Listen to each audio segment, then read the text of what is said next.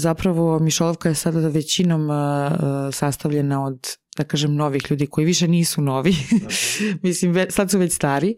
Mi smo jedinu audiciju napravili 2019. godine, uh, krajem 2019. I tako je sve počelo, onda sam ja, onda smo došli Sidora i ja i rekli smo, ne ovo ovde mora da se desi Mišolovka, mislim prosto vidimo je tu. Nismo rekli da mi da pravimo pozorište ili pozorišnu trupu, nego ajde mi da pravimo predstavu, jer se nama to radi. I opa, imali smo par situacija koje su tako nameštale da ljudi stvarno pomisli, ja, ovo je deo predstave, na primjer kada su nam iskočili osigurači celi kući. to je ono kod nas, ta valjda neka pozitivna ludost koju mi imamo, ovaj, da se bacamo u vatru i ono rizikujemo uh, bez obzira na sve, ali samo iz te ljubavi i želje da, da radimo, da stvaramo. Jer svi smo amateri i niko nije školovan za, za, ovaj, za ovo čime se bavimo zajedno.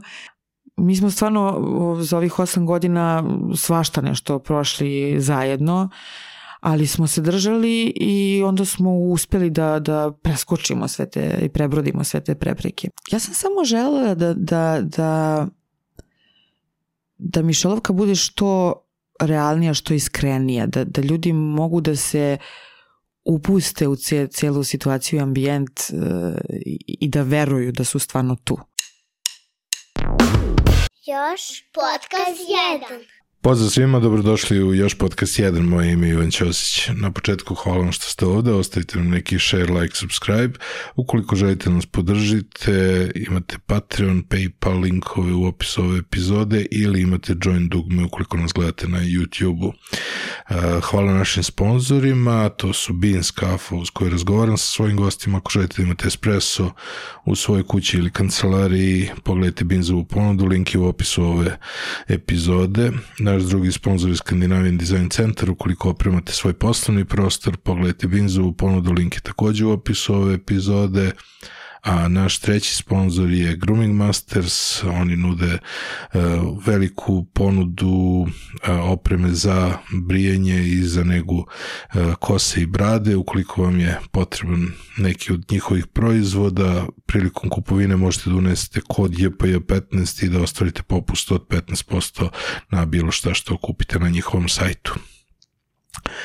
Moja gošća u ovoj epizodi je Sofija Ristić, ona je umetnička direktorka a, grupe Artisti koja je poznata po svojoj predstavi Mišolovka za koju su a, unapred rasprodate karte i za koju se uvek traži karta i o kojoj se mnogo priča u poslednje vreme. Mišolovka je izvedena više od 100 puta, negde u oktobru su imali svoje, svoje stoto igranje ove predstave i ja još uvek nisam sam otišao da, da odgledam predstavu, ali je neverovatno koliko moje društvene mreže gore od priča o Mišolovki i uh, povezao sam se sa Sofijom i želeo sam da eto ispričamo deo priče o, o mogu slobodno reći fenomenu. Uživajte u ovoj epizodi.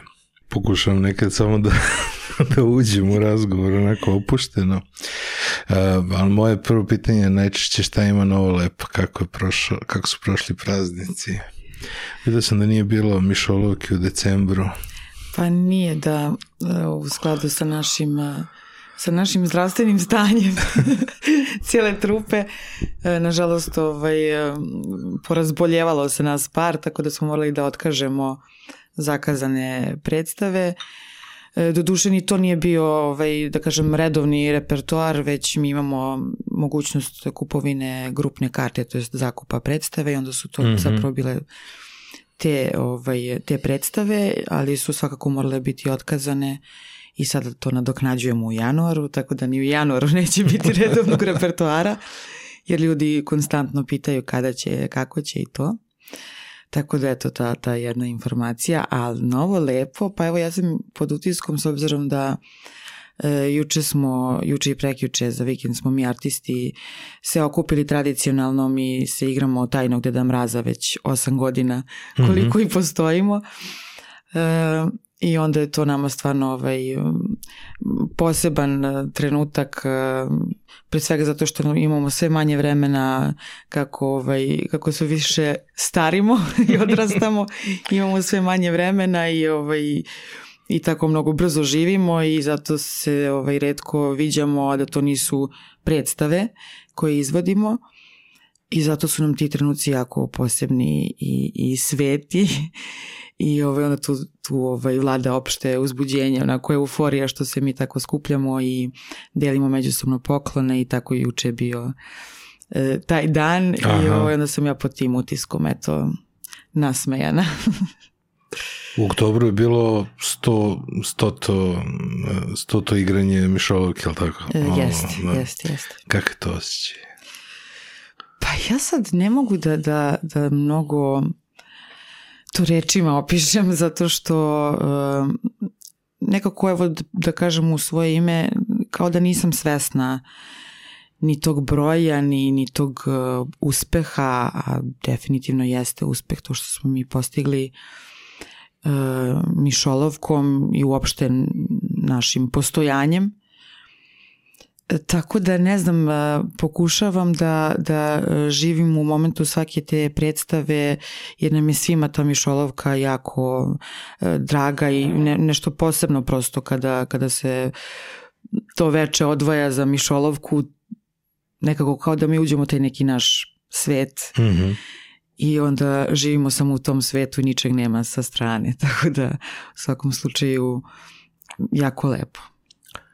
A, hoću da pričam o svemu ovome, a, znači i o Mišolovci, i o ambijentu, i o ekipi, i o odabiru, ali ajde prvo da možda nema dovoljno podataka o tebi, možda nema dovoljno intervjua sa tom, ovo je malo duža forma. Ispričaj nam nešto o sebi, hoću da znam, je šesti Beogradskoj, da li ta blizina ono, zvezdara teatra uticalo na tebe, otkud pravo, Mokranjac kako utica na tebe? Ja, pa to je dosta stvari. um, pa mislim, ja sam od malena nekako osjećala tu potrebu da, da budem umetnik, iako nisam znala šta to tačno znači tad kad sam bila toliko mala, jer sam od pete godine su me upisali u muzičku školu, tačnije prvo u muzičko zabavište i jer sam od uvek pokazivala ovaj sklonost ka, ka pevanju, ka igranju, mislim tata mi inače folkloraš ceo život i onda mm -hmm. sam mhm. ja uz njega isto ovaj, obožavala i folklor i tako izmišljala neke svoje folkloraške koreke. Um, Tako da eto, prvo je počela sa tom muzičkom školom i violinom na koju su me posle tog muzičkog zabavišta poslali, iako nisam znala ni šta je violina. ja sam videla klavir, rekla sam ja bih ovo, ali pošto mi nismo imali klavir u kući, onda su mi rekli ti ćeš da sviraš violinu. Aha, manje. Sluhista si, manje više pijanista, manje violinista, kao ajde.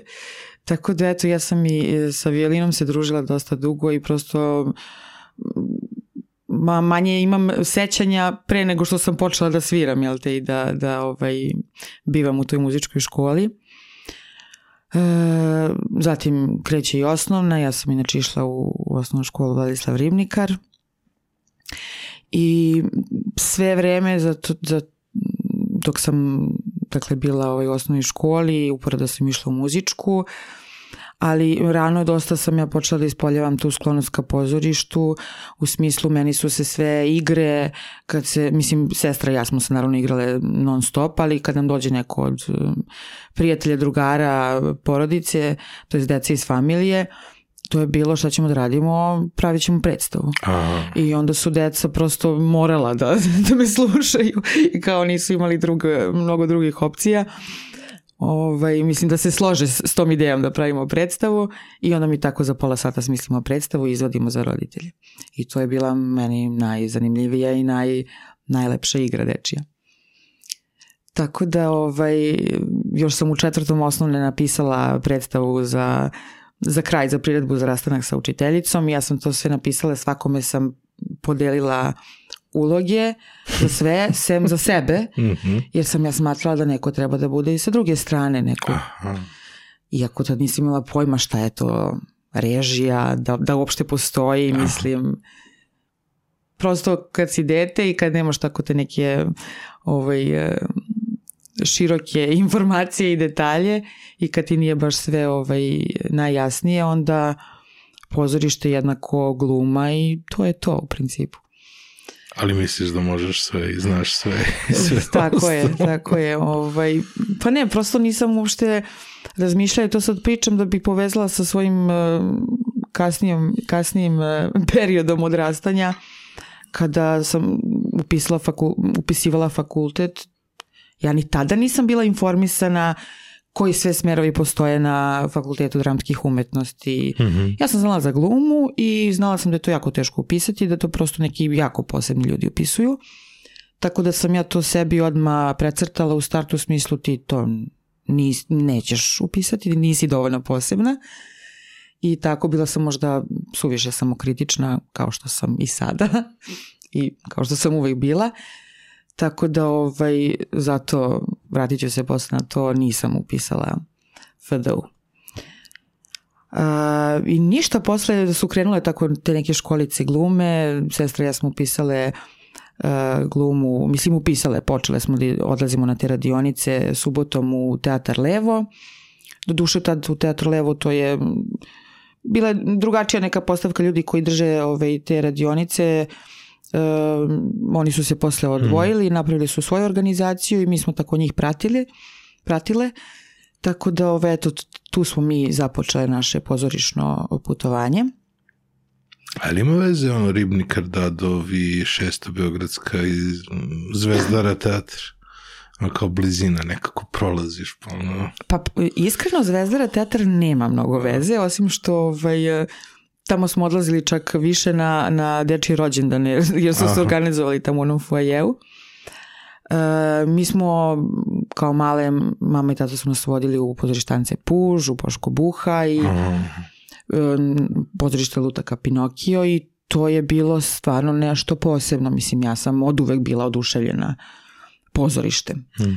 E, I možda je, mislim, verovatno je to uticalo Zvezdara teatra, da kažem, ne toliko kon konkretno. E, šesta Beogradska opet to je isto neki period mog života gde sam ja e, potpuno se isključila iz tih nekih e, da kažem lepih stvari, odnosno hobija. Uhvatilo me to neka tinejdžersko ludilo i prosto sam tada i presla da idem u muzičku školu, došla sam do, do srednje muzičke i završila sam prvi srednje, krenula drugi i tu sam stala jer sam tada upisala gimnaziju. I tako, uopšte nisam e, za vreme ovaj, e, gimnazijskih dana nisam se bavila ni pozorištem, ni muzikom. Nešto pomalo, ali to je stvarno bilo ono, nekako nije vredno spomena, da tako kažem. I onda tek na fakultetu kada sam upisala taj pravni, a upisala sam zato što bukvalno nisam znala šta da upišem, Pomišljala sam ja, možda bi bilo lepo da budem novinar, ali tako su me roditelji savjetovali da je u principu najbolje da upišem pravni, jer tu mi je najširi spektar mogućnosti da se ja posle zaposlim. I ove, kada sam ja videla, upoznala se sa e, pripremom za prijemni, ja sam shvatila da, da, da ja to mogu i da prijemni neće za mene biti težak. Istorija mi išla ok, ajde malo e, ustavno pravo i tako srpski jezik i tako da sam ja to upisala na budžet i bila sam srećna i to je meni nekako bilo zacrtano u glavi da ja prosto moram da završim taj svoj, svoj krug i tog školovanja u smislu osnovna škola, gimnazija, fakultet. Aha, završiš nisam, to i da... Tako je, znači nisam ja imala sad u glavi neku, um, neku ideju da, da ja zapravo kad odaberem taj fakultet da ja odabiram zapravo svoj životni poziv u smislu mm. treba da se bavim time ceo život. Ne, ja sam samo prosto kao dobar vojnik smatrala da ja treba da budem školovana od početka do kraja, da stavim tačku na to školovanje, pa sad šta učim, bože, to nije toliko bitno.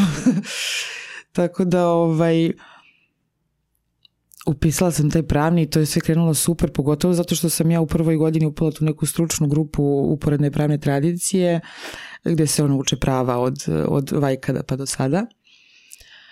Um, I tu sam upala u stručnu grupu gde smo mi imali uh,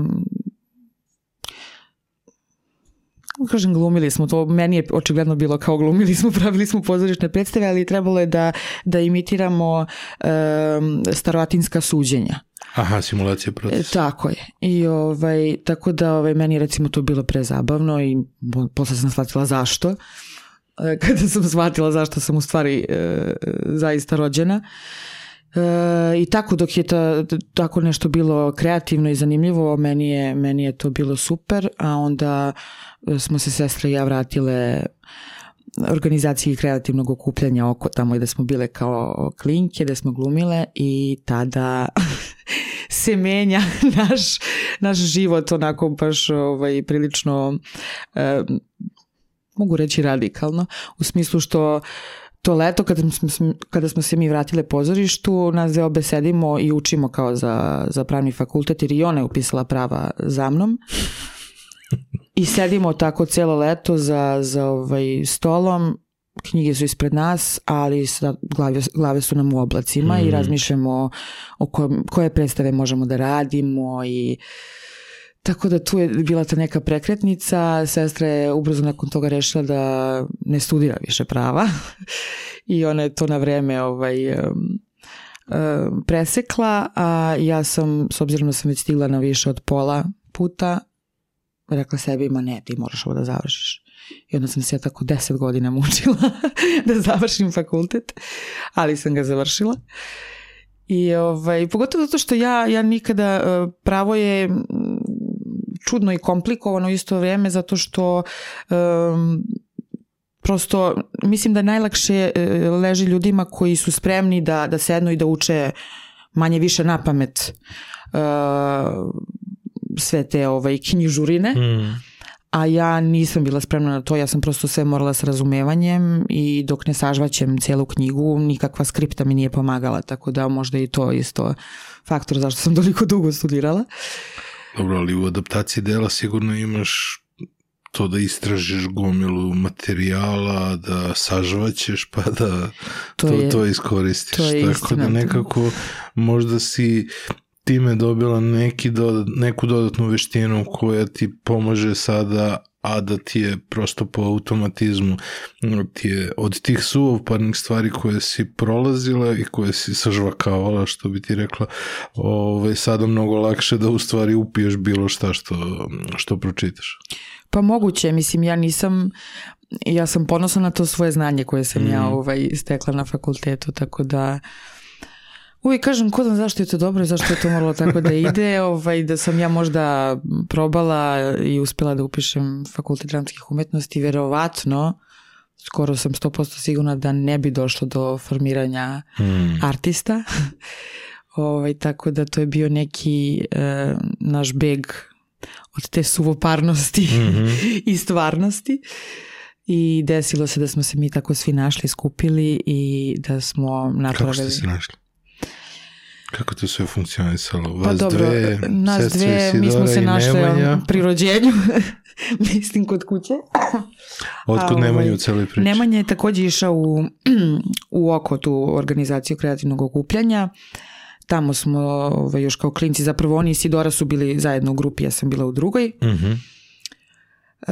um, Tako da njega poznamo još od tada, međutim kada smo mi prestale da odlazimo ovaj, na te radionice, tako je nekako to ispalo da se ja nisam zapravo ni upoznala sa Nemanjom i Sidora ga je znala, ja nisam i tako je taj period tekao bez, bez da smo se mi zapravo znali. I onda kada smo se mi vratile tada već kad smo bile studenti, onda smo se ponovo upoznali i ovaj, od tada smo nerazdvojni. Mm nas troje i još jedna drugarica. E, I zatim smo odlazili tako na, na te ovaj, naše glumačke probe radionice. Zapravo je tu nekako nastala ideja nije zapravo to bila ni konkretna ideja. Mi smo samo nastavili da se družimo i da radimo ono što nam je prirodno, a to je da, da stvaramo i da pričamo mm. o pozorištu i da mislimo o pozorištu i o, o pozorišnim predstavama. A o kojim godinama govorimo? Koliko je to pre artista, pre 2015? Pa to je, evo da kažem, to je tačno 2012. godina. Aha, aha. 2012. A taj period kad smo bili klinci, to, to je bilo negde do 2006. čak. I onda smo se mi, eto, posle mm -hmm. šest godina vratile. E, I onda je 2015. došao jedan uh, drugar i rekao, koji isto išao s nama umeđu vremenu na te oko radionice, ja otvaram sekciju dramsku na fonu. Mm -hmm. I potrebni ste mi zato što mm, on je rešio da radi DR Nušićev, tu je, ima 15 slikova i kaže ja ću da ovaj, e, napravim audiciju za fonovce jer mislim to je za fonovce i, i ovaj, njima je posvećeno. Mhm. Čak je bila neka priča u početku, vi ćete da lažete da ste sa fona i vi, da se pravite. Mi kao, ok, ne znam koliko ćemo dugo moći da izdržimo, ali dobro. E, naravno nije od Koliko starta. teško, glu- koliko je teško glumiti da si fonovac? Pa mislim, nije bilo toliko teško, ali prosto možda, bi, možda je trebalo da se malo informišemo o profesorima Da. i tako čisto da budemo u nekoj priči. Šalim se, ne, nismo od starta naravno rekli iskreno ko smo i šta smo. U svakom slučaju on je nas zamislio u, ovaj, u, u podeli i dodelio nam neki, da kažem, sporedne likove koji tu su jako bitni zapravo da, da, da začine celu predstavu. I tada smo se mi upoznali zapravo sa ostatkom artista, ovaj, većina je bila sa fona. I posle tog uh, rada na toj predstavi uh, koji traju nekih 4-5 meseci, mi smo rešili da se više ne rastajemo i da stvaramo nešto naše. Mhm. I to isto sve bilo spontano. Mi nismo rekli da mi da pravimo pozorište ili pozorišnu trupu, nego ajde mi da pravimo predstavu, jer se nama to radi.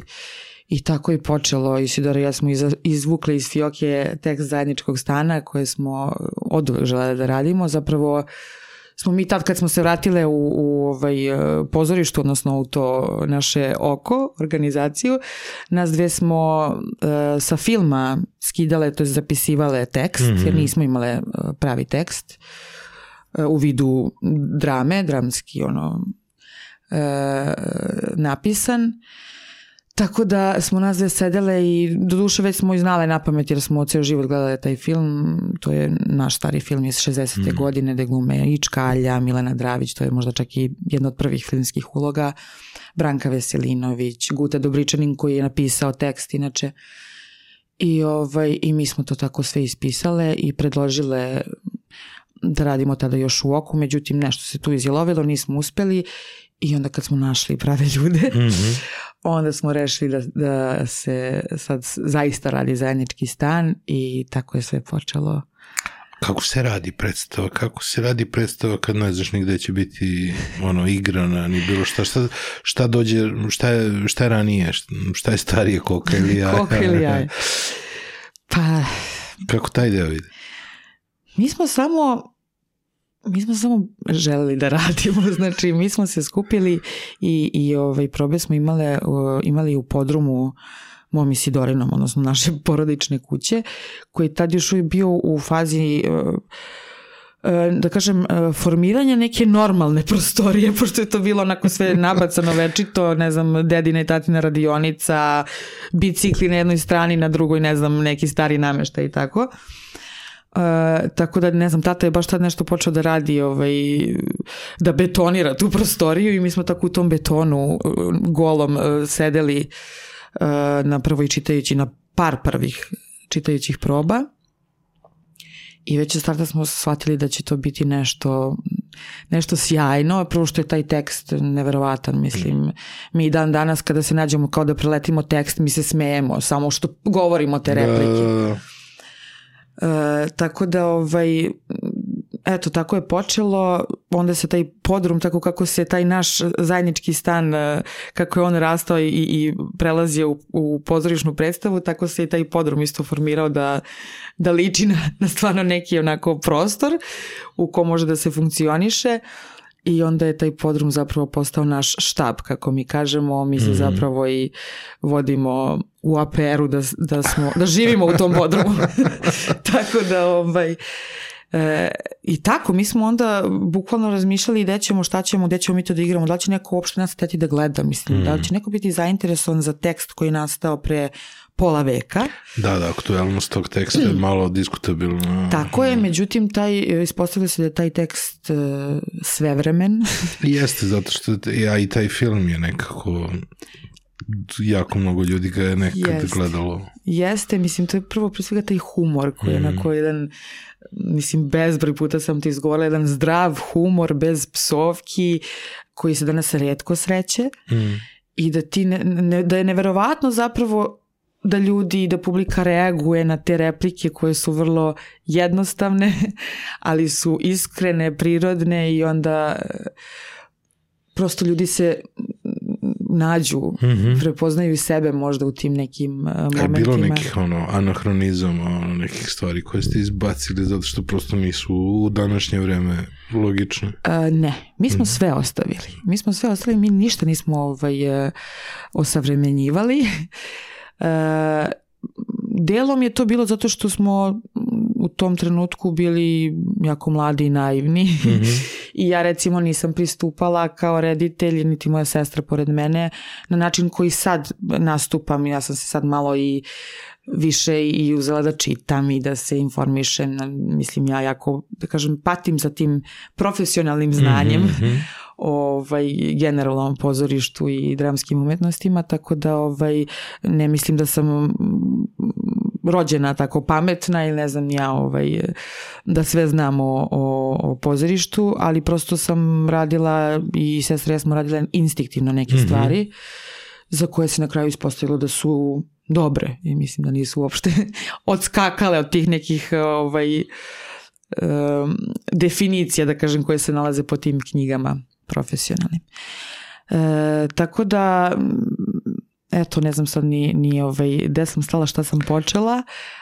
Kod samo, samo adaptacije zajedničkog stana. Tako je, pa prosto samo smo, samo smo ovaj, ostavili sve tako kako jeste.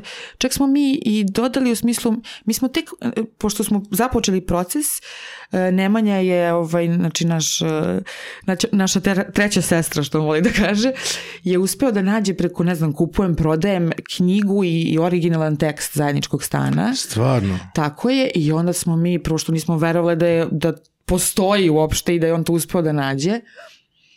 Tako da ovaj, smo onda mi tu i to prelistale i onda smo to kombinovale, nešto smo ovaj, dodale što nema u ovom mm.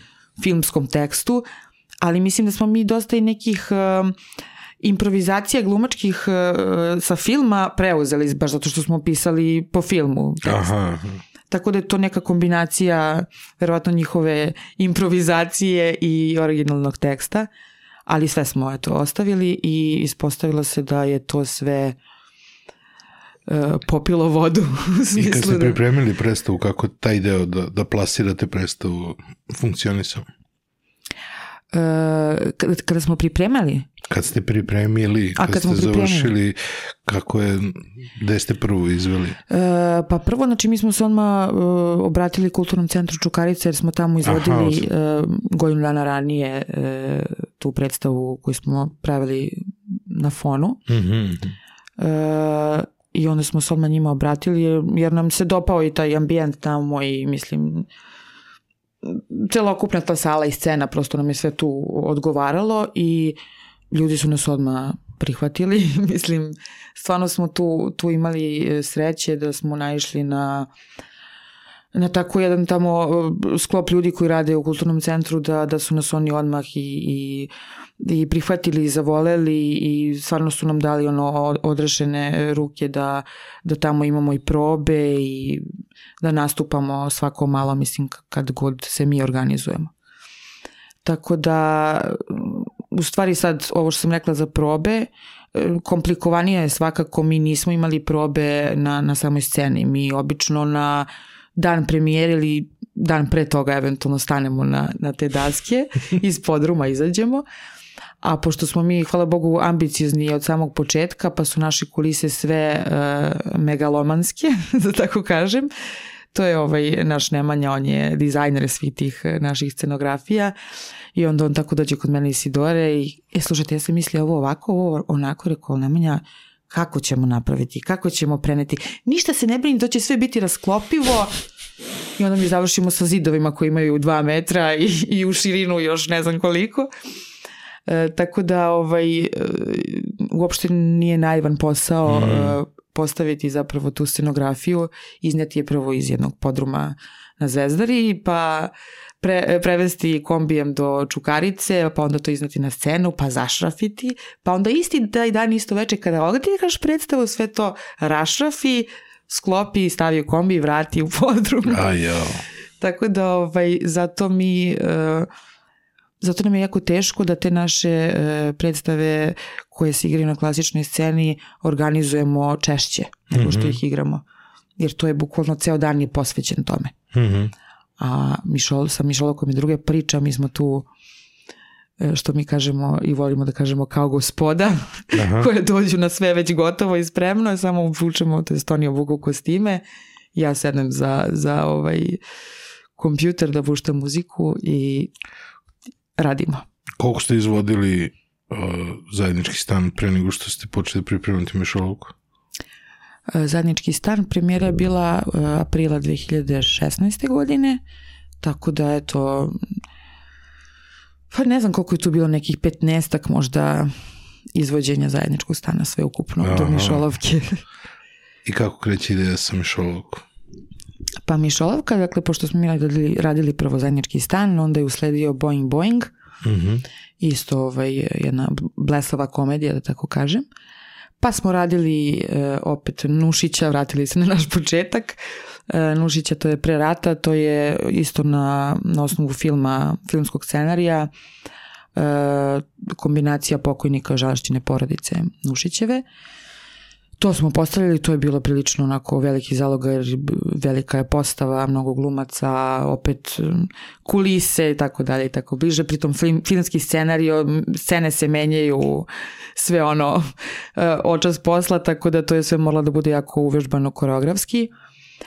I onda uh, je jedna od artistkinja, zapravo ona je još odavno predložila Mišolovku, međutim to nešto nama ja kad sam pročitala, prvo mi je bilo jako dosadno da dođem uopšte do sredine ono teksta mm -hmm. i kada sam pročitala do kraja, onda sam se oduševila, bilo je ovo je stvarno nešto sjajno, ali e, nije valjda cijeloj ekipi delovalo kao nešto što u tom trenutku treba da se radi. I onda je to tako malo pričekalo, prošlo je to i, i pre naša treća predstava i ajde mi da radimo Mišolovku. Međutim, mi smo tada planirali da to bude klasična predstava za scenu. Mm -hmm. I sve po originalu, kako je Agata napisala Dadoš, tako mislim, mislim ne od Adoš zato što je prevedeno na srpski pa samim tim nije i malo možda i to do prevoda može da bude škakljivo i ovaj nezgodno nekako neprirodno nama da mi izgovaramo određene rečenice. Pa sam ja tu i tada morala malo da, da to prilagođavam, ali opet ostavila sam sve originalne nazive likova, sve je bilo tako kako jeste. Tad se isto nešto izjelovilo i nismo ovaj, nastavili sa Mišolovkom, to je 2018. recimo kraj.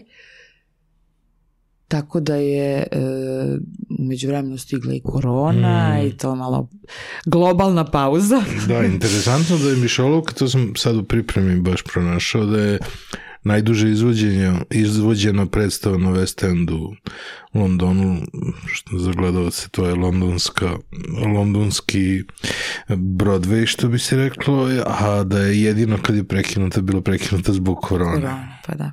Eto, jeste da to je, izvodi se preko 75 godina, mm. ako ne više. I ovaj, nastala je zapravo od radiodrame. To je bila radiodrama i onda je, negde čini mi se kada je kraljica Elizabeta ovaj, došla na presto, onda, onda su to prebacili na scenu. Tako da da, Mišolovka se dalje tamo igra i, i mi smo imali publiku koja imala priliku da ovaj da prisustvuje i toj londonskoj mm -hmm. Mišolovci. Stvarno? Tako je. I ti ljudi su, mislim, evo sad bez neke lažne skromnosti, ti ljudi su oduševljeni našom Mišolovkom, kažu da je potpuno potpuno drugačije od, ovaj, od te originalne, tako kažemo. Mislim, što bi, bilo bi tako i sa nama da smo, mislim, da smo radili klasičnu predstavu.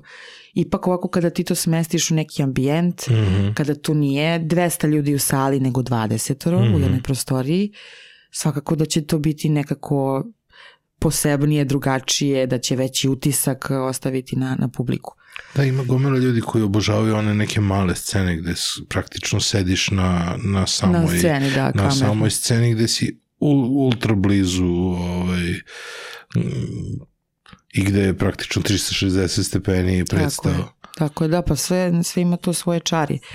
Ali opet ovaj, e, Mi smo naravno i na različitim uh, scenama, različitim, različitim prostorima nastupali, pogotovo recimo sa zajedničkim stanom. Mi smo, ne znam, igrali smo na onom uh, festivalu 9 u Staroj Ciglani.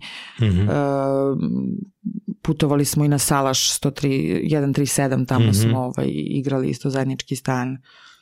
Tako da nije nama bio problem da se mi kao izmestimo sa scene, ali uvek smo, navikli smo da vučemo te naše ono kao da, kolise da. na leđima. Tako da ovaj, ovo je stvarno uh, počelo nekako drugačije i i ovaj, evo sad smo došli do, do preko sto izvođenja. A koja priča, gde je to počelo? To je počelo u nekoj drugoj kući. Tako je, ovaj, sada da se vratim na, taj, na tu priču, istoriju Mišolovke naše. E, usledila je korona, tako smo se svi ono odvojili, što je nama bilo užasno i depresivno i strašno. Što Pet se godina ste navikli, budete stalno tako zajedno. Je, da. Pa, da. pa smo čak pokušavali nakon nešto online da se snimamo, mislim, ovaj, da kačimo na, na društvene mreže, čisto da se vidi da smo tu, da nismo kao ono nestali. Međutim, nije to to nama, je potrebna naša ono i bliskost i energija mm -hmm. ta koju imamo zajedno, koju stvaramo. E, onda smo polako ono, počeli početkom 2021. zapravo. Nemanja spomenuti i tek će da bude spominjan. E, njegovi porodični prijatelji, znači ljudi koje zna ceo život i kod kojih je ceo život položajnik, mm -hmm. je na Božić otišao da, dakle, u Cvićevu ulicu kod njih da e, da bude položajnik, da džara vatru i oni ljudi imaju porodičnu kuću koja se sastoji od dva stana, jedna je u prizemlju, dru, jedan je u prizemlju, drugi na spratu i tu na spratu je živela do te godine, čini mi se, baba tetka koja je tad preminula i koja nije dozvoljavala da se ništa tu renovira, to salonac, onako stan, mm -hmm. visoki plafoni, dvokrilna vrata i tako sve. I tako je to sve čučalo tu ne znam koliko, mislim preko 50 godina da se ništa nije, da se nije krečilo, renoviralo, ništa. I Nemanja je ušao, pošto su tu u tom gornjem stanu, oni palili kaljevu peć da, da ovaj džaraju vatru za Božić, on je ušao u taj prazan stan i rekao, mi možemo ovde da pravimo predstavu. Ako vi trenutno ništa ne radite ovaj, sa ovim stanom, na što je Srećko, ovaj, vlasnik kuće, je rekao, pa što da ne. Hmm. I tako je sve počelo, uh, onda sam ja, onda smo došli Sidora i ja i rekli smo, ne, ovo ovde mora da se desi mišolovka, mislim, prosto vidimo je tu. Uh, tako da onda sam se ja prihvatila adaptacije te teksta, posrbila sam tekst čitav, mislim u smislu da sam ne samo da sam promenila imena, da sam dala ovaj likovima uh, srpska imena, da tako kažem. Uh, i prezimena, već sam uh, i u samom tekstu, kada se spominju lokacije određene ulice, tako ja sam to sve malo, mm -hmm. nisam konkretno davala, kažem, beogradske ulice, ali eto, oni spominju Uf, ne znam, sad sam zaboravila kako se zove e, njihova ovaj, ulica, ali ja sam stavila radnju da se održava blizu gradske bašte, mm -hmm. a zapravo mi smo bili tu pored botaničke bašte. Da, da, da. ovaj, u stvarnosti. Tako da e, prilagodila, e, adaptirala u smislu da sam želela da ta radnja ima jedan tok bez prekida, da se sve odigra e, odmah tu pred, pred očima publike, da nema nekih kao u pozorištu kad imamo neki moment da je prošlo određeno vreme koje mi nismo, koje mi nismo prisustvovali i videli, mm. e ovde toga nema, ovde se sve dešava tu. Mm -hmm ovaj, e, e, na sceni, da tako kažem, i tako su počele naravno prvo probe u podrumu, čitajuće i onda par meseci tako i tek smo možda negde u nekom aprilu, maju mi ušli u kuću zapravo da, da postavljamo predstavu. I dalje je cela ekipa ona koja je radila još i doktora. Ulaze novi ljudi u ekipu ili kako taj da funkcioniš? E, da, zapravo Mišolovka je sada većinom uh, sastavljena od da kažem, novih ljudi koji više nisu novi. Aha. Mislim, sad su već stari. Mi smo jedinu audiciju napravili 2019. godine, uh, krajem 2019. I tada se pridružilo njih desetak mm -hmm. nama starima. Jer mi, da kažem, uh, starija ekipa tu je već počela malo da se kristališe ko ide na koju stranu u smislu završeni su fakulteti, zapošljavanja, pa su njih par otišli van zemlje, prosto nas je život odvukao, nismo mm. mi kao želeli da se, da se razdvojimo, ali tako se izdešavalo, jer svi smo amateri i niko nije školovan za, za ovaj za ovo čime se bavimo zajedno, tako da svi obavljaju neke, neke poslove svoje za što su školovani. Imamo arhitektu, medicinskog tehničara, zubnog tehničara, e, profesora engleskog, profesorke francuskog, e, ja sam eto pravnik, e, ma svašta mislim, sad ne mogu još da se, imamo inženjera šumarstva, ljude u marketingu i tako. Ali smo svi kada smo kada smo artisti, onda smo skroz artisti, aha, samo aha. smo u tome. Tako da to, to je ta naša uh, moć. I na kraju svake predstave svuda gde se izvodi mišolovka traži se da se ne, ne priča ko je ubica sa drugima. Tako jel je, da. To i, je li to i kod Nije, vas? nema ubice uopšte. Mislim, mi prosto želimo da ovaj, apsolutno se ni jedan detalj ne, ne otkriva i da to sve... Uh, da, budu, da ljudi budu upoznati sa čitavom radnjom kada uđu u našu kuću. Da bude unikatno iskustvo. Tako je. I kak, kada vam se otvara ta kuća Milana Rakića? E, mi smo dakle u Cvićevoj bili e, malo manje od godinu dana, znači od jula 2021. do juna 2022. I tada je došao moment kada su ljudi prosto rešili da renoviraju taj svoj stan i da, da ga osposobe za život. Mi smo zapravo tu i ušli sa idejom da ćemo mi tu biti mesec, dva, ne znam, odigraćemo predstavu par puta i doviđenja.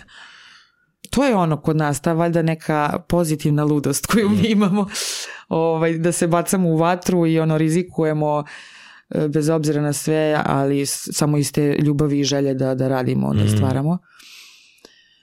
Ali eto, zadržali smo se tu, kažem, skoro godinu dana i onda usledila je letnja pauza, tu smo mi pokušali, mislim pokušali, nismo zapravo mi dugo ni tražili jer je vlasnik kuće sadašnje gde smo, mm -hmm. odnosno nekadašnje kuće Milana Rakića, e, došao da pogleda predstavu i odme rekao da, da on nas prima da mi igramo to u Takovskoj. Tako da ovaj, nismo zapravo dugo bili bez, bez re, rezervne, e, rezervne kuće. I onda krenulo iseljavanje, tu su bili isto neki emotivni momenti i preseljavanje mm -hmm. u mhm. Takovsku koje zapravo ispostavila se da, da, da, da je nešto još veće i još sjajnije, da tako kažem. A ta cifra od 16 ljudi koje može da gleda, koliko je to limitirajući, koliko je to bonus faktor?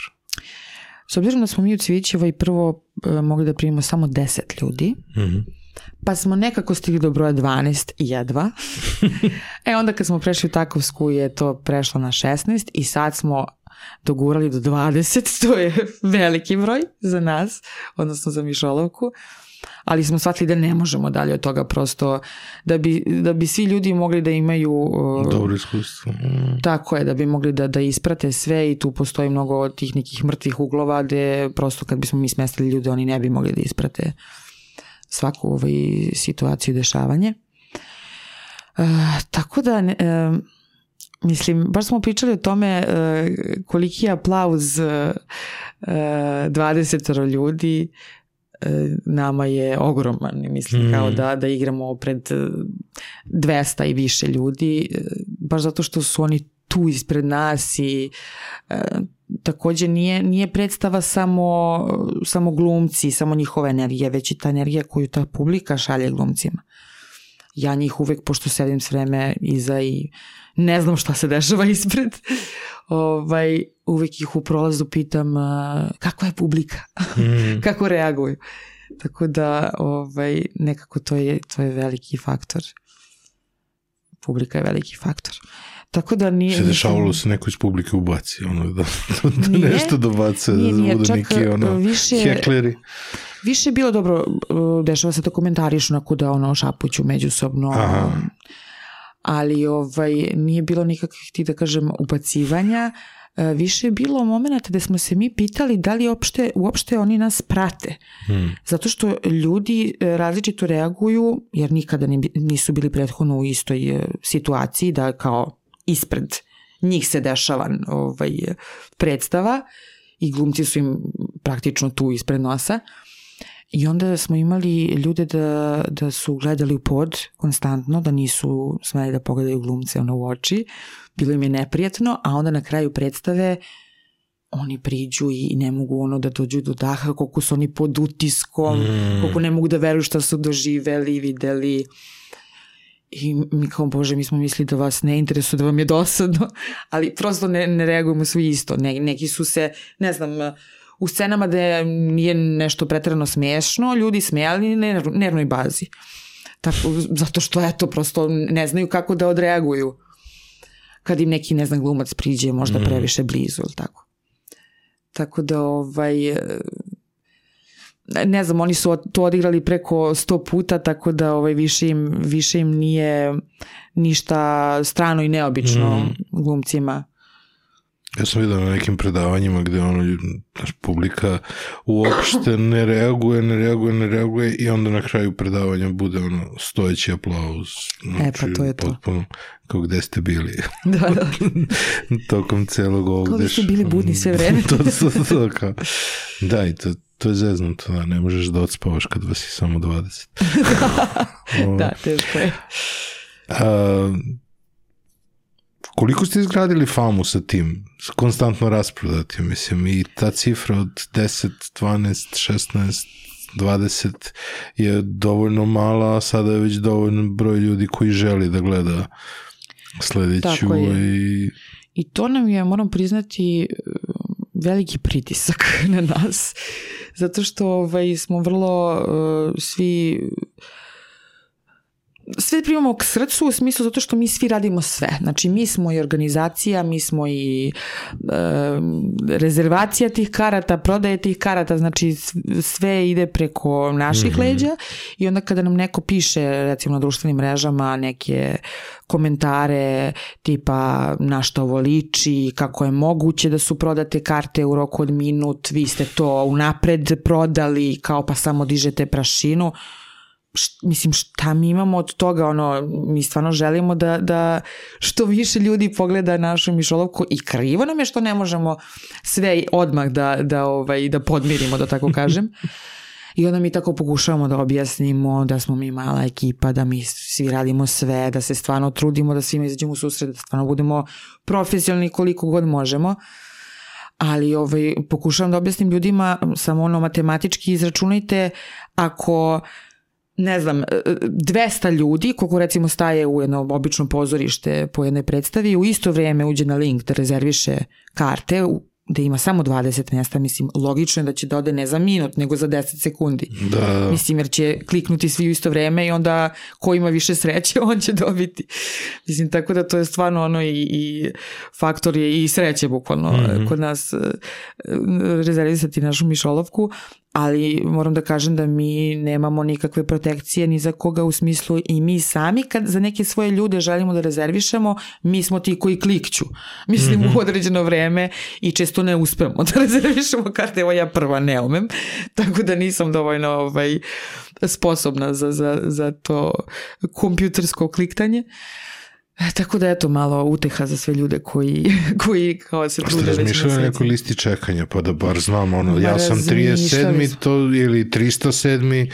To znači da za 15 mi to e, ovih uh, igranja sam na redu da, da dođem da gledam, mislim. E, tako je, razmišljali smo, ali... Uh, to ima mnogo više logike nego ta sreća u brzini i u kliktanju, mislim. Nažalost, zašto smo se ipak opredelili da ne, ne pristupimo tom sistemu, e, baš zbog naše, e, da kažem, e, silom prilike nestalnosti, jer eto, desi se da se razboli jedan, razboli se drugi, mora da se otkaže, pa zakazuj da nadoknadiš, jer ljudi često mi ih pitamo, hoćete da vam vratimo novac ili mm -hmm. mi ćemo da sačuvamo. Znači, onda je to automatski organizacija sledeće predstave za te iste ljude. Tako da to je ono zapravo što nas koči u, u toj listi čekanja i onda smo u fazonu ajde da, da, da svi imaju jednake šanse i da pustimo prosto da, da ljudi se sami izbore za te Mhm. karte. Ove, vidjet ćemo, mislim sad u, buduć, u budućnosti da li će moći da dođe do nekih promena, ali stvarno smo ono razmišljali i, i udarali glavama da, da dođemo do najboljeg mogućeg rešenja, ali evo to je trenutno taj neki uh, ovaj link preko kojeg koji aktiviramo određenog dana određeno vreme i uđe se tu i rezerviše. Da su karte dalje 1500? Uh, sada su karte 2000. Sada su 2000. Da. Ovaj, a, obz, s obzirom na to da su, da su u Londonu karte 90 funti za Mišoluku, to je dosta dobra cena. Pa mislim, Dosta jeftino da odgledaš Mišoluku u jedinstvenom ambijentu. meni je iskreno bilo jako teško da se odlučim za tu cifru. Što? Zato što mi e, sve naše prethodne predstave smo nekada igrali ne samo za 150 dinara po karti, nego za džabe. I onda ovaj, prosto mi je bilo uvek e, drago mi je da dođe što više ljudi Mm. vidi nas i onda shvati da, da, da smo vredni, nego da ja sad tu ovaj, neku cenu stavim, ne znam nija kako. U svakom slučaju kada je došlo, došla Mišolovka na red i kada smo shvatili da mi moramo prosto da bismo isplatili taj prostor pre svega u kom Mm. igramo, da mi moramo da, da postavimo takvu cenu, meni je baš bilo nekako teško što mora to da bude tako. I onda još kad smo prešli u, u Takovsku, tu je isto morala da, da ovaj, se pojača cena, ali e, interesantno mi je bilo to da su mnogi ljudi mi prišli i rekli ovo je mnogo jeftino za ovo šta vi pružate. Apsolutno. Ovaj, tako da eto, onda sam se Jer malo... tih hiljadu i po dve su cene u standardnoj, u standardnom nekom prostoru gde će Tako je. 200 ljudi da sedi pored mene, a ne 19 još. Tako je, tako je. Tako da, Mislim- to je dosta drugačija priča. Prilično je intimno ceo taj, da kažem, događaj dolaska na, na Mišolovku, zato što mi posle ostajemo s tim ljudima nekih pola sata do mm Mhm. sat vremena, zavisi. Ovaj, I onda svi zajedno časkamo, pričamo, pričamo naravno i o, o našim ovaj, drugim predstavama, o nama konkretno ali ljudima je to takođe ono, da kažem, šlag na tortu, jer Mhm. nije da ti ideš svaki drugi dan uh, u pozorište i pričaš posle sa glumcima i sa postavom, mislim, to jeste ovaj, uh, unikatno iskustvo, da tako Mhm. kažem. Tako da eto, ima i toga da je to neka dodatna čar. I šta još kažu u tom, tim druženjima? Pa prvo, uh, ljudi često ne mogu da poveruju i zabezeknu, za- zabezeknuti su kada im kažemo da nismo profesionalni glumci. E, do duše sada smo ovaj, se malo ponovili pa imamo jednog profesionalnog glumca. Aha. Tačnije imamo dvojicu, jedan je još uvijek na, na studijama, a, ovaj, a e, imamo od skoro i Đoleta Momčilevića koji je diplomirani glumac i on nam se pridružio i mislim generalno imamo mi dosta poznanika ovaj, prijatelja koji jesu glumci i to su završili i stvarno su nam podrška i dolaze na naše predstave i ovaj dele nam savete mi volimo da čujemo svaku kritiku mislim, zato Mm. što stvarno ne mislimo da, da sve znamo najbolje već želimo da, da, da napredujemo i da budemo bolji i koliko god možemo profesionalni A koji su neki najveći izazovi? Zašto se ne zašto nema češ, zašto nema češće ovaj, igranja i koji, koji bi bili neki, neke stvari kako bi moglo da, da, da izvedete više predstava? Pa najidealnije bi bilo kada bismo mi svi mogli da živimo od tog našeg pozorišta i da ne moramo da, da, da idemo na poslove od 8 do, do 4 pa onda da trčimo na Mišolovku. Jer to, to je taj jedini, da kažem, faktor koji nama Mhm. ne dozvoljava da mi svaki dan im, igramo predstave, a to je prosto što, što ovaj, imamo te standarde, da, standardne, da kažem, poslove koji, koji moraju da se obavljaju i usput pokušavamo da imamo i neki privatan život ako može nešto da se ode da se završi tipa do, Da. do ovaj doktora na redovnu kontrolu ili tako nešto. E, eto, to, to, su, to su stvari koje nas koče i naravno da bi sve bilo mnogo lakše da, da je nama to jedino zanimanje Mhm. i da možemo tome da se posvetimo 100%. Dopunili smo kafu. Ovaj, hajde, samo mi reci ove ostale predstave koje izvodite u Ču- Čukarici, šta je sve tamo na programu?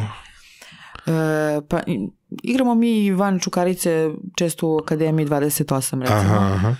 Uh, kad uspemo da se organizujemo, to je opet drugačije tamo organizacija, malo ovaj, komplikovanije, imamo manje vremena da, da namestimo scenografiju, pa nam to baš ne ide u prilog. U Čukarici ipak drugačije, ali evo prošle godine smo odigrali i Boeing Boeing i zajednički stan u roku od nedelju dana, jer smo ovaj, želeli da obeležimo jubilej, odnosno eh, sedmi rođendan Aha. eh, nam je bio 1. aprila i tad smo igrali zajednički stan, a, ovaj, a nedelju dana pre toga je bilo šest godina od premijere Boeinga, tako da smo to odigrali u, u akademiji. I ovaj, stvarno je bilo mnogo lepo, pogotovo zato što sad uh, publika koja je gledala Mišolovku mnogo želi da pogleda i ostale predstave, tako da Mhm. većina je tih ljudi koji su došli nakon Mišolovke. A sada ćemo igrati zajednički stan 27. januara u Kulturnom centru Čukarica, Mhm. tako da i tome se baš radujemo. Ali ima, postoji priprema još nečega ili ste već E, razvučeni na sve strane? Pa jesmo razvučeni na sve strane, mislim Mišolovka je stvarno uh, nam je ovaj najveći da kažem, najveća kočnica Mhm. da, da radimo uh, dalje, ali se trudimo i, i mislim rešili smo da sad se prave nove predstave, samo prosto da da definitivno odlučimo šta radimo pa da krenemo u Mhm. pohod. A reci mi taj proces posrbljavanja, ka, šta ti je tu bio najveći izazov? Uf, pa ja sam samo želela da, da, da, da Mišelovka bude što realnija, što iskrenija, da, da ljudi mogu da se upuste u cije, cijelu situaciju i ambijent e, i, i da veruju da su stvarno tu. Mhm. I stvarno su i reakcije ljudi e, nakon predstave takve da, da oni često kažu osetio sam se kao deo predstave. Mislim, to je ono ko onaj film Duhovi u nama. Mhm. Neko je tu, ali nije tu. E, tako je sa publikom i glumcima. Ovaj, e, oni igraju tako kao da, da publika nije tu, ali prosto osjećaju ih. tako da ovaj, to je ono što sam želela da postignem zapravo. Zato, zato je e, zato mislim da je značajno to što, što sam posrbila likove i što sam im dodelila e, naša imena i prezimena. Doduše jedan lik je ostao samo ovaj, e, e, autentičan, to jest po ovaj, svom originalnom nazivu. Njega nisam želela da menjam. A, a ostale sam sve ovaj, e, prekrstila Mhm. i tu je isto smo ovaj, dali mali omaž e, porodici koja nas je primila, odnosno koja je ovaj, zaslužna za to što je Mišolovka nastala, to su Milević i Svićeve ulice, tako da zapravo glavni likovi Mišolovci koji otvaraju pansion zovu se Nina i Petar Milojević. Aha, I to je takozvana kuća Milojevića. aha. Ta, tako je sad ostalo i u Takovskoj, naravno nismo ništa menjali. E, to je to, postoji lik e, Franjo Jenča, e, mladog arhitekte koji e, u originalu, on se zove mm, Christopher Ren i dobio je, kako on kaže, ime po čuvenom arhitekti.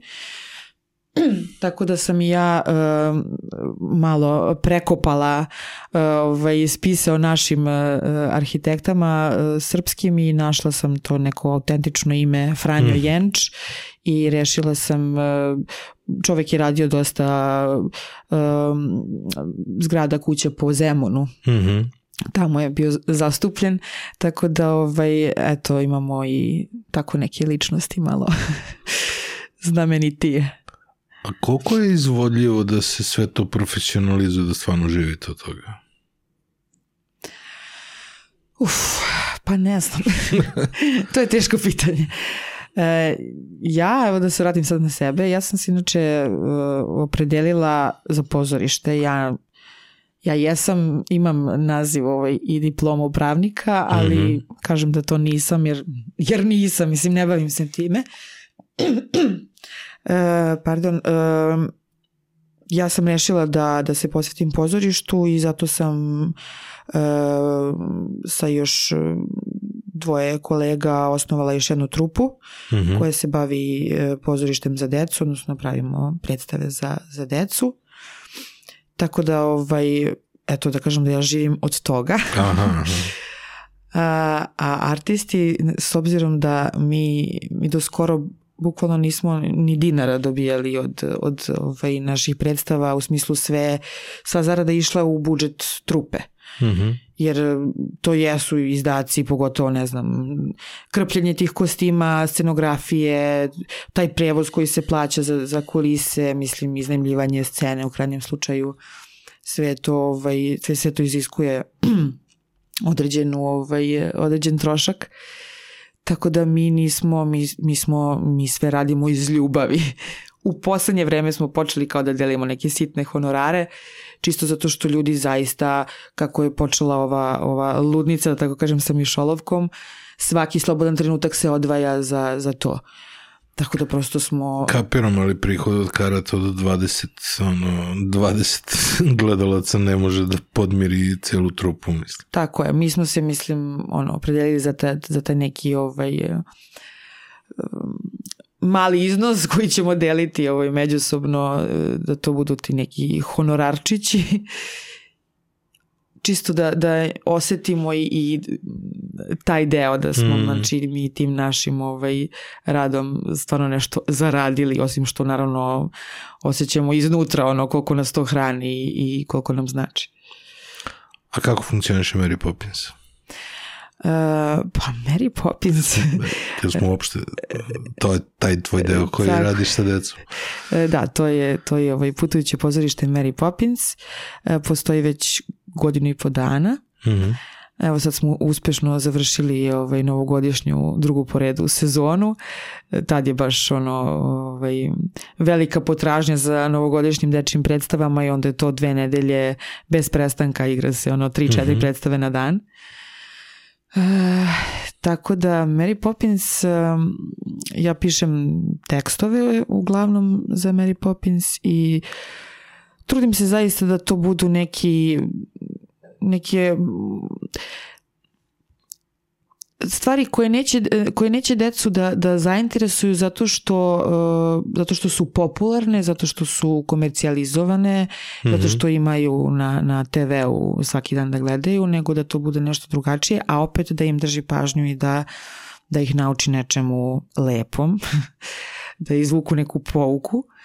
E, tako da do sad e, imamo 4-5 predstava. Prošle godine za novu godinu e, bio popularan Krc Koraščić. Mm -hmm. Ove godine smo igrali e, Vilomea i Viuliju. Tako da ovaj, to su vilenjaci Rome i Julija. Tako je.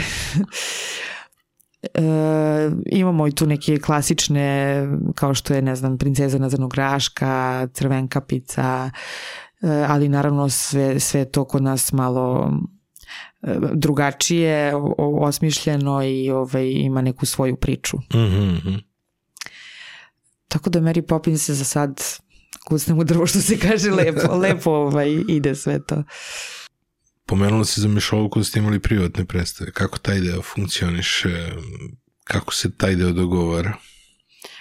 Pa do, do te ideje smo isto došli spontano jer smo shvatili da zapravo nas je publika pitala jel može nas ne znam koliko desetro da kupi kartu pošto je to nemoguće učiniti na, na dan na kada se otvara tako je link sa rezervacijama.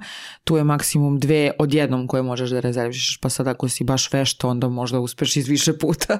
Dobro, sad imate 20 mesta, ako skupim 20 ljudi kako to funkcioniš? Tako je, ovaj, pa ništa, tu, tu se onda mi dogovaramo sa tom ekipom za ovaj termin predstave mm -hmm. koji će odgovarati njima i nama i prosto to se ne, obja, ne objavljuje kao termin ono ovaj običan ovako standardan gde će se rezervisati karte nego je to prosto naše te grupe i ovaj glumaca i e, to je to da, mislim tako tako se dogovorimo organizujemo i onda tih 20 ljudi Ali moguće izmestiti Mišolovku u neku drugu, drugi ambijent?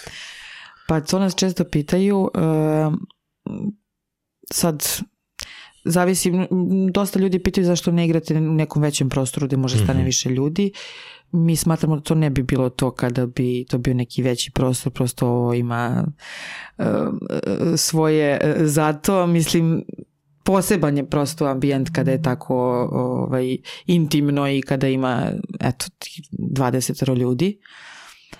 A drugi ambijent kao ne znam kada bismo sad otišli u neku drugu kuću svakako bi zahtevalo da se to prerežira, prerežira kao što smo ovaj, morali kada smo se selili iz mm Mhm. Cvićeve u Takovsku da imamo opet probe da mislim ja to sve organizujem e, da bi prosto drugačije su posljedne prostorije, malo nije, nije, nije isti raspored, pa onda i taj nameštaj koji je tu kući isto moramo da prilagodimo nama i scenama.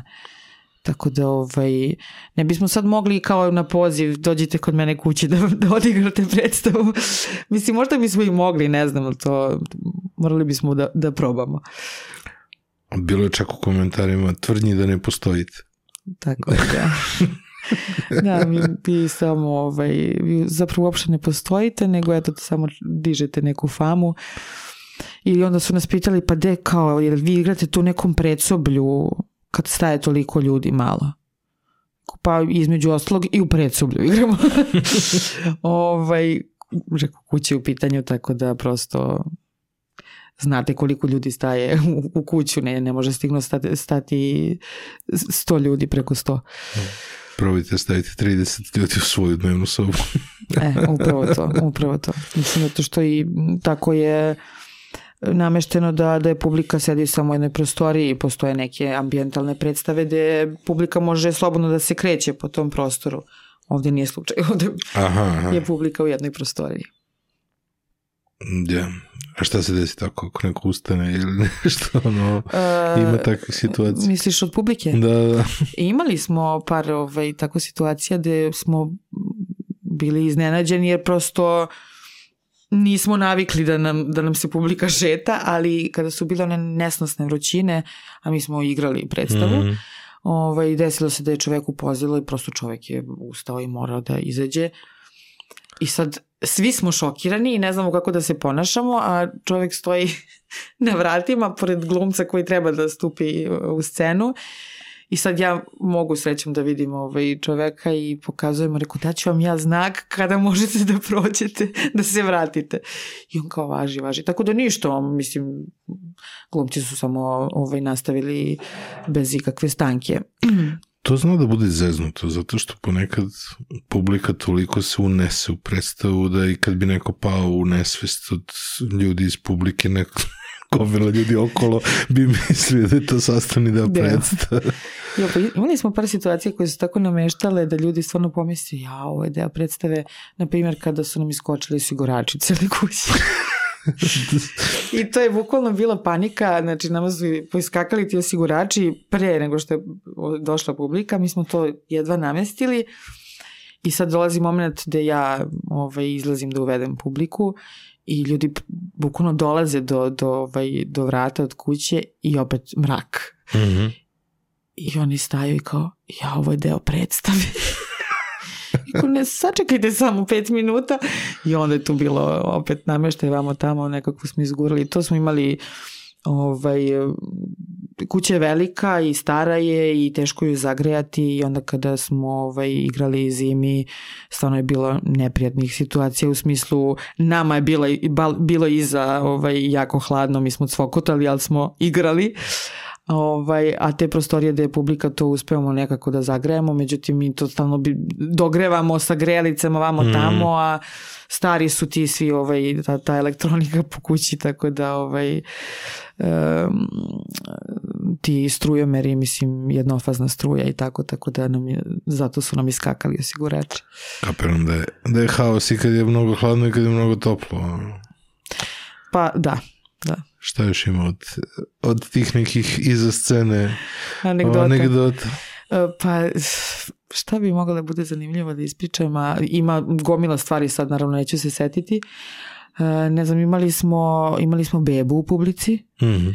e, gde smo se svi šokirali, mislim ja na prvom mestu, pošto sam izašla i videla ljude sa, sa jednogodišnjim detetom u rukama, rekao je, dete ulazi sa vama, kao ne brinite, obećavamo, bit će sve u redu.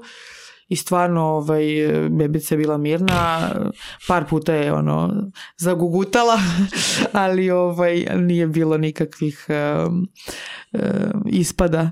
Tako da, ovaj, ali stvarno smo sve očekivali, rekao, svako Mm. dete počne da plače, mislim, ljudi će morati da, da, da izađu.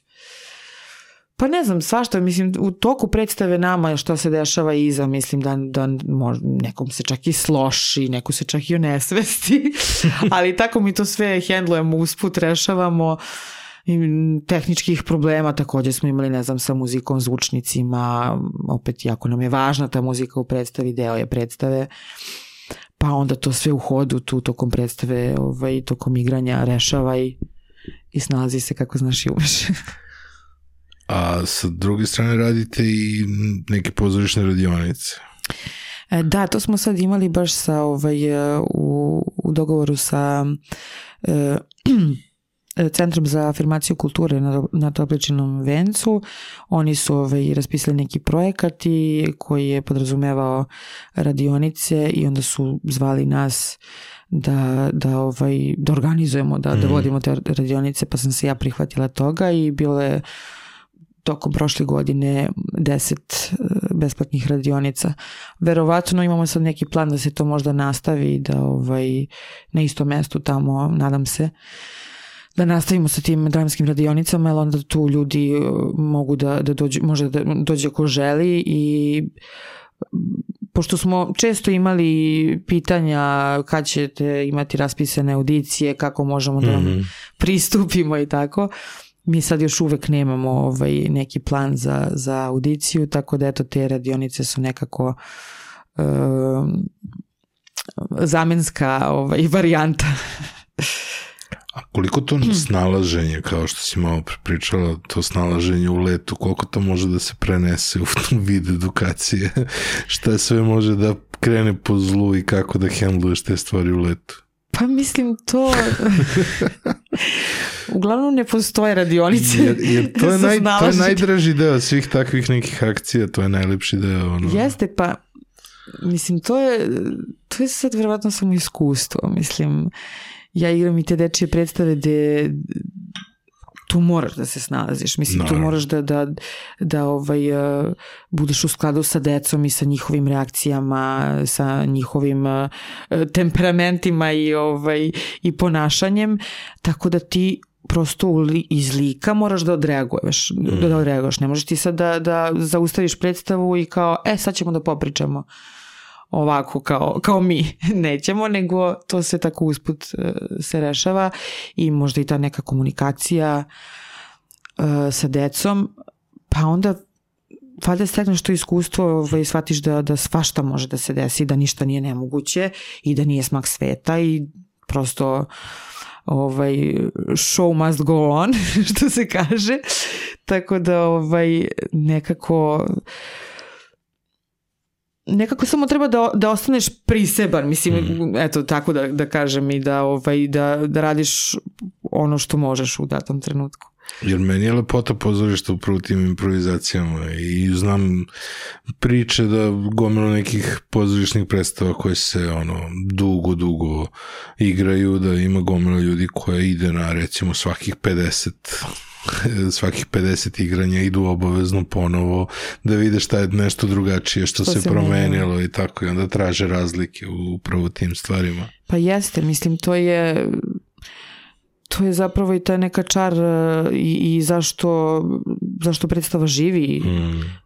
Ako dugo živi, mislim i, i potrebno je, zaista je potrebno da se unose neke, ove, da kažem, inovacije, sad nisu tu naravno neke radikalne ovaj, stvari koje ćeš u trenutku, ne znam ja šta drugačije da, da uradiš, pa da, da to pro, nema smisla nikakvog, ali naravno ovaj, da zapravo poželjno, poželjno je da ti nešto tu isprobavaš novo, dodaješ naravno sve iz lika, što se kaže.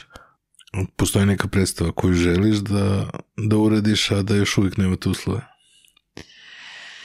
Pa postoje, postoje više predstava koje želim da uradim, ali jedini uslovi koji su nama potrebni je to vreme Mm. s kojim se jurimo sve više. E, tako da ne sumnjam, nama je sve nekako sudbinski dolazilo, znači svaki tekst koji smo radili je došao onda kada je trebalo da, da, da dođe na red. I ovaj i zato mislim i da da da živimo i opstajemo e, kao trupa jer ništa nije na silu i ne bismo ni voljeli da tako bude kao je sad ne znam, popularno je ovo, sad ćemo mi to da radimo. U stvari naše predstave uopšte nisu, e, nijedan, nijedan tekst nije uh, modern. Mm -hmm. Dakle, sve su, ne, da kažem, retro, viš, u retro fazonu. I, ovaj, I to nismo mi osavremenjivali ništa od toga, tako da prosto ne znam, samo znamo da, da, da nam je nešto leglo ili nam nije leglo mm. i, i to je Da, to je interesantno, ono, posrebljivanje i osavremenjivanje, da li je potrebno jedno, da li je potrebno drugo, da. A, sad imam malo onako, kao da se upisuješ u spomenar, da li imaš neki savet za, za mlade ljude koji žele da se bave pozorištem, koji tek kreću?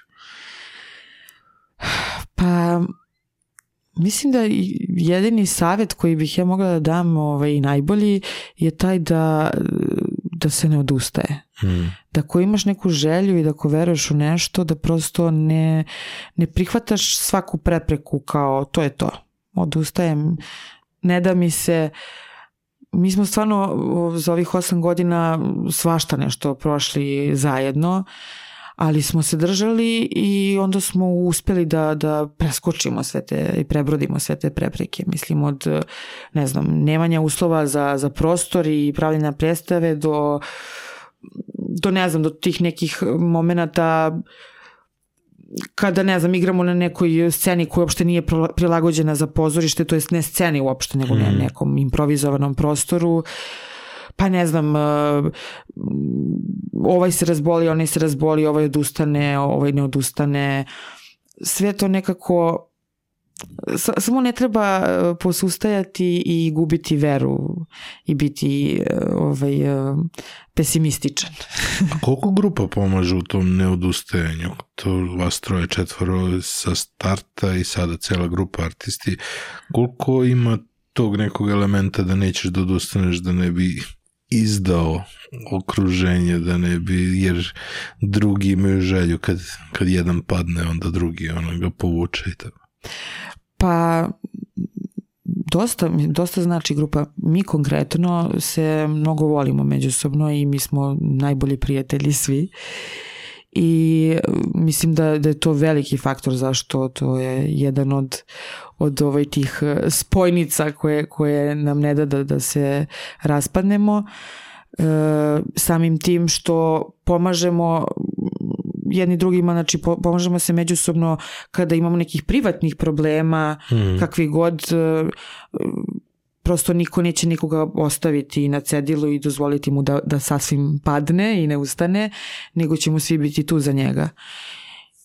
I onda kad imaš takvo okruženje, kad imaš takve ljude, prosto ti sam ne želiš da, da, da to sve propadne i da, mm. da to mm. ostaviš.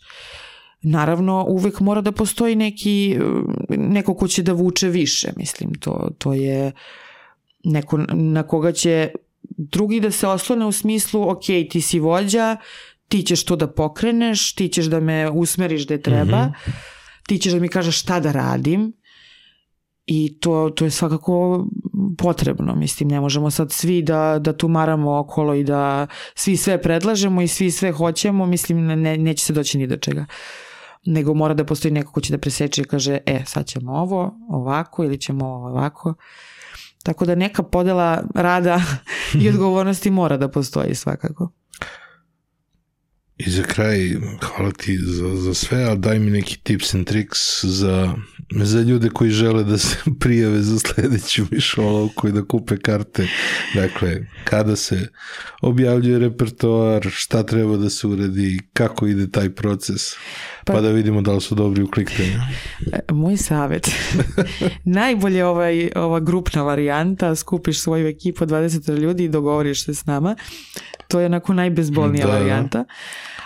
A što se tiče ovako ovog redovnog uh, repertoara, to mi sve objavljamo na našim društvenim mrežama, na Instagram i To je pred kraj meseca se objavljuje. Tako je, za naredni mesec mi napišemo e, datume kada će dakle biti predstave i kada ćemo aktivirati link za rezervacije, tačan datum i vreme kada će Mhm. biti aktiviran link i onda ljudi tako čekaju da klikću. Eto, to, to, je, ovaj, to je jedini način. Roditelji su navikli kao prijava za boravak i prijava za vrtić i ostalo E, sad pa kako su počeli tako da ovaj, vidim da se sve više navikavamo na to kao bit će otvoren link i to. Brzi prsti. Da, da, brzi prsti čoveče. Ko želi da bude Mišu Slagalić. Hvala ti puno. Hvala tebi. Mislim da smo lepo zaokružili priču i mislim da radite sjajnu stvar. Možda je malo žalosno što je takvo nekako okruženje da ne možete od toga da živite i da se samo unesete u to što stvarno volite, ali mislim da je jako lepa stvar da možete da ispoljite sebe i da je publika to prepoznala. Jest. I opet ja da ponovim ono moje, ko zna zašto je to dobro. Tako Mm. valjda treba da bude i da ide. Hvala puno. Hvala tebi. Hvala vam što ste gledali još jednu epizodu, još podcast 1. A ovo je bio moj razgovor sa Sofijom Ristić. Hvala vam što ste ovde uz nas. Ostavite nam neki share, like, subscribe. Standardno možete nas podržati putem Patreona, Paypala ili putem Join Dugmeta ukoliko nas gledate na YouTube-u. Hvala našim sponsorima Beans Coffee s kojim sam razgovarao sa Sofijom. Hvala Scandinavian Design Centru, njihovim stolicama sedimo. Hvala Grooming Mastersu. Zbog njih sijam u svakom podcastu. Uh, kod je JPO15 ukoliko kupujete neki poklon na njihovom sajtu. To bi bilo to i gledamo se i slušamo sledećeg četvrtka. Ćao, čao. Bye, bye.